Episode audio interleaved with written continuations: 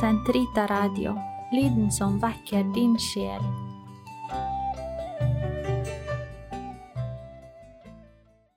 Lovet være Jesus Kristus, og velkommen til katekese for konfirmanter og unge voksne. Sist snakket vi om skapningene som er i stand til å tenke, de rasjonelle vesener, engler og mennesker. Vi lærte at mennesker er en forening av kropp og sjel, skapt i Guds bilde til mann og kvinne. Vi snakket altså om hva mennesket er. I dag skal vi snakke om hva mennesket gjør, og hva det burde gjøre, menneskets hensikt. Ja, la oss først ta hva, hva ordet hensikt betyr. La oss se på, på ordet. Hen og sikt, hensikt. Sikt har med å sikte å gjøre, eh, og da spør vi hvor er det du sikter hen? Eller hva er din hensikt? Hva sikter du på? Hensikt er målet som en ting er rettet mot. Har alle ting en hensikt? Vel, la oss bruke en spade som eksempel. Det er ganske enkelt å skjønne at en spade har til hensikt å grave, fordi det er det den ble lagd for. Dette er en interessant observasjon. En tings hensikt, målet med den tingen, bestemmes av hva den er. Hensikt, hensikten med en spade kan ikke være å skrille poteter, f.eks. Kan ikke være å kjevle deig, fordi det ikke er det den er lagd for å gjøre, og det er ikke det den er i stand til å gjøre. Den er lagd for å grave, og den er i stand til å grave, altså er dens hensikt å grave. Men det var bare en spade, et verktøy. Og hensikten med verktøy er enkle å finne ut av, fordi vi har lagd dem, vi mennesker har lagd dem. Men eh, hva med vann og hestehov og fossekaller og rever? Har de en hensikt?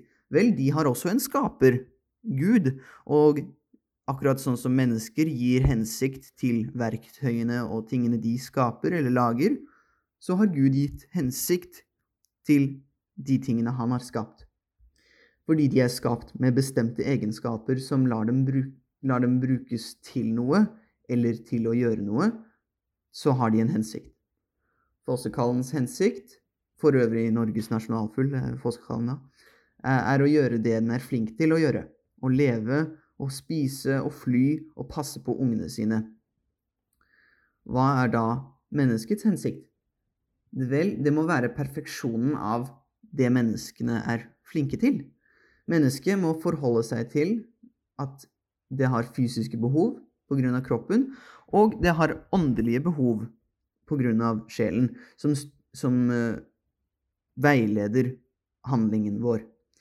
Hensikten blir å oppnå de godene som kroppen og sjelen behøver.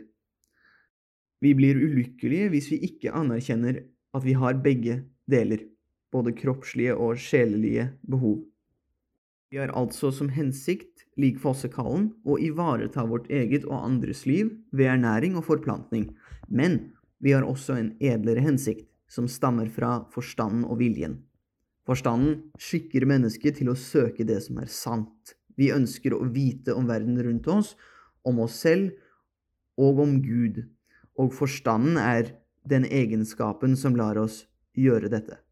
Viljen skikker mennesket til å søke det som er godt, vi trakter etter det høyeste gode, og vi elsker dette gode. Det gode er det som ingen mangler har, og den eneste som ingen mangler har, er Gud selv. Når vi eier det gode, blir vi lykkelige. Lykke er altså menneskets hensikt, og denne lykken består i å eie og ta del i Gud, det høyeste gode. Gud åpenbarer vår hensikt for menneskeheten. Du skal elske Herren din Gud av hele ditt hjerte og av hele din sjel og av all din forstand, og du skal elske din neste som deg selv. Dette er ikke bare en abstrakt befaling som Gud kommer med fordi det er det han vil, og uten å bry seg om hva vi trenger eller hva vi behøver. Nei, det er faktisk en oppskrift på lykken, på det som gjør oss perfekte. Men dette er viktig å få med seg.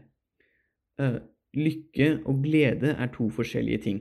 Lykke er ikke det samme som glede, fordi glede er en god følelse, men lykken er mye, mye mer. Lykken er uavhengig av følelsene som, som er i de lavere delene av sjelen, som, som glede og, og sinne og, og um, sorg, disse, disse, handler ikke om, om, lykken, om å eie det gode. De handler om uh, våre sanser og hva de beveger oss til. Mens lykken handler om noe objektivt og håndfast. Det handler om å gjøre og eie det som er godt. Det er ikke bestandig behagelig fordi det ikke handler om følelser. Behag handler om hvordan du føler deg. Lykken handler om hvordan du oppfører deg, hva du er, og hva du gjør. Å søke det gode og å unngå det onde er menneskets hensikt, og det er det som gjør oss lykkelige. Sann lykke kan kun oppnås av rasjonelle vesener fordi lykken består i å eie det sanne og det gode, noe som irrasjonelle dyr ikke er i stand til. Eh, men vi er jo ikke bestandig lykkelige. Noe har gått galt, tilsynelatende.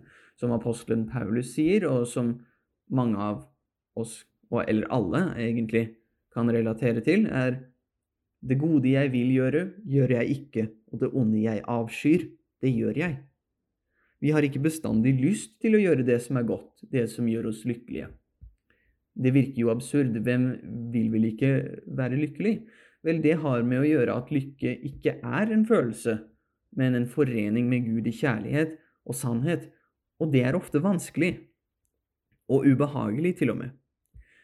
Vi har vanskelig for å sette det evige gode, Gud, foran de begrensede godene her og nå. Problemet er ikke at vi begjærer mat og søvn og klær. Det er ikke noe, det er ikke noe galt i det.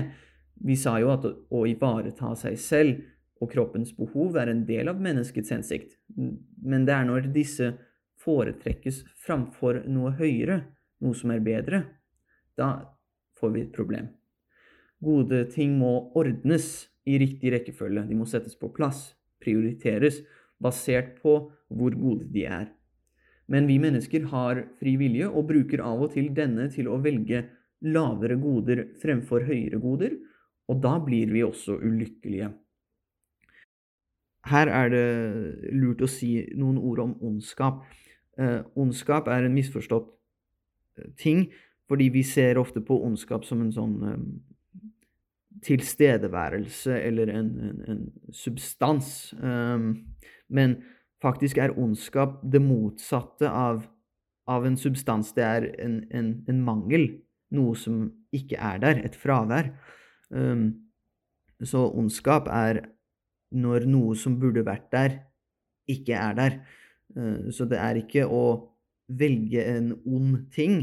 En ting er ikke ond i seg selv, men det er å velge en, la, en ting som er mindre god, framfor en ting som er uh, bedre. Og det er ondskap. Men tilbake til fri vilje. Har vi det, da? Jo, det har vi. Og det bevises på flere måter. Det første jeg vil at dere skal tenke over, er dette. Ingen kunne skiftet mening hvis hans vilje var uh, bundet, hvis hans vilje ikke var fri. Fordi ny informasjon kan endre hva vi, hva vi ser på som godt og ønskelig, og da skifter vi mening, og det kan gjøre at vi velger noe annet enn det vi først kom til å gjøre. Og det kan vi ikke gjøre hvis vi hvis vi ikke har fri vilje. For det andre, vi kunne ikke straffet noen for en forbrytelse dersom de ikke var ansvarlige for valgene sine. Da ville straffen vært urettferdig, fordi vedkommende kunne sagt 'men det var ikke min feil, det var ikke min skyld', fordi jeg ikke hadde noe valg. Men hvis de hadde et valg, da er det fullstendig rettferdig og faktisk nødvendig å, å straffe dem. Eh, fri vilje henger altså sammen med rasjonalitet. Vi gjør alltid det vi synes best i en situasjon på bakgrunn av fornuften. Og den beslutningen kan endres med, med gode argumenter og bevis. Dyr eh, har f.eks. ikke fri vilje fordi de ikke har en forstand. De er ikke i stand til å forandre mening fordi de ikke har noen mening å forandre. Eh, så Så eh, de drives av instinkter og av sanser og av følelser, ikke av eh, fornuft. Så viljen påvirkes av kroppslige behov også, eh, sånn som trang til mat, drikke, søvn osv., men det er på samme måte som, eh, som hos dyrene. Ok, vi har altså fri vilje, men hvorfor betyr det at vi velger imot vår egen hensikt? Lavere goder fremfor høyere goder? Det er jo irrasjonelt. Og vi sa nettopp at fri vilje har med rasjonalitet å gjøre. Og Gud skapte jo eh, ingen mennesker til å være irrasjonelle. Og det stemmer. Gud skapte mennesket i det vi kaller opprinnelig rettferdighet. Eh, fullstendig rasjonelle og ute av stand til å synde mot sin egen natur. Men her må vi huske at, eh, fra forrige gang at det er to måter å synde på. Mot naturloven og mot Guds overnaturlige lov. Da kommer vi til første Mosebok, hvor vi hører om Adam og Evas syndefall. Hvor de trosser Gud og hans bud eh, ved å spise av en frukt de ikke hadde lov til å spise av. De syndet ikke mot naturen da de spiste denne frukten, men de syndet mot Guds bud, som sa dere kan spise av alle trær i denne hagen unntatt treet om eh, kunnskap om godt og ondt. Å trosse Gud avviste de også den nåden, den opprinnelige rettferdigheten, og de mistet denne rette ordningen av, av de gode tingene. Så sanselig begjær kunne nå eh, gjøre opprør mot viljen. Viljen kunne gjøre opprør mot forstanden. Og, og, kroppen kunne gjøre opprør mot sjelen, og mennesket kunne gjøre opprør mot Gud. Den rette orden som, som forsikrer at alle velger det rette, at alt, alt det gode kommer i riktig rekkefølge, den ble forvirret. Og den forstyrrelsen av den rette orden førte til at mennesker nå kan overveldes av kroppslig nytelse og begjær, eh, og det kan føre dem i, inn i synd mot naturen, ikke bare mot Guds overnaturlige lov. Og vi kan derfor foretrekke lavere goder foran de høyere godene fordi forstanden vår er formørket og vår vilje er, for, er svekket. Det er altså definisjonen på synd, å foretrekke noe lavere framfor noe høyere. Eh, dette hjelper oss å besvare det ondes problem, et spørsmål som holder mange fra å tro på Gud. Og spørsmålet er hvorfor og hvordan kan det finnes ondskap i en verden skapt av en god og allmektig Gud? Nettopp fordi vi har fri vilje, kan vi også velge å gjøre onde ting. Å være skapt i Guds bilde er en stor ære, men det er også et stort ansvar, fordi det gjør at vi kan handle godt eller ondt som vi selv vil. Dette kan på mange måter vise oss hvorfor Gud er god. Han tvinger ingen til å elske ham. Uh, uten ondskap er det også mange gode ting som aldri kunne vært, slik som mot. Definisjonen på mot er å stå sterkt eller fast i møte med ondskap og fare. Og hvis det ikke er noe fare eller ondskap å stå imot, da finnes ikke mot heller. Trofasthet er, å, er lignende. Det er å holde seg ved det man lover eller, eller uh, sier. Og det er ikke vanskelig å være trofast når alt går som det skal, eller når ingenting uh, er ondt. Selvoppofrelse er også en dyd, en god, en god og riktig og sann og vakker ting som ikke kunne funnet sted eh, dersom det ikke var noe, noe ondt eh, i verden. På påskenatt synger kirken noe som heter exultet, og i exultet, eh, som er en lang hymne som priser Kristus, så sier vi O salige synd, som gav oss så stor en forløser. Hadde det ikke vært for ondskapen, for synden, så hadde heller ikke Kristus gitt seg selv på korset for oss og for våre synder og vist menneskeheten til det fulleste at Gud er kjærlighet. På den måten så kan vi si O salige synd. Livet blir ikke et eventyr uten ondskap, uten motgang, uten trengsel. Og ordene 'og de levde lykkelig i alle sine dager' har ingen kraft, har ingen betydning om det ikke var noe å kjempe imot. Og vi vet også at det blir ordene som skrives om oss i livets bok om vi holder Herrens bud og tar imot Hans nåde. Og det skal vi se på hvordan vi gjør neste gang når vi snakker om Guds lov, Guds eh, bud, eh, gjennom naturen og åpenbaringen, som sier oss noe om hva det er rett å gjøre. Eh, og det er, som er begynnelsen på Guds frelsesverk. Det skal vi begynne å se på neste gang.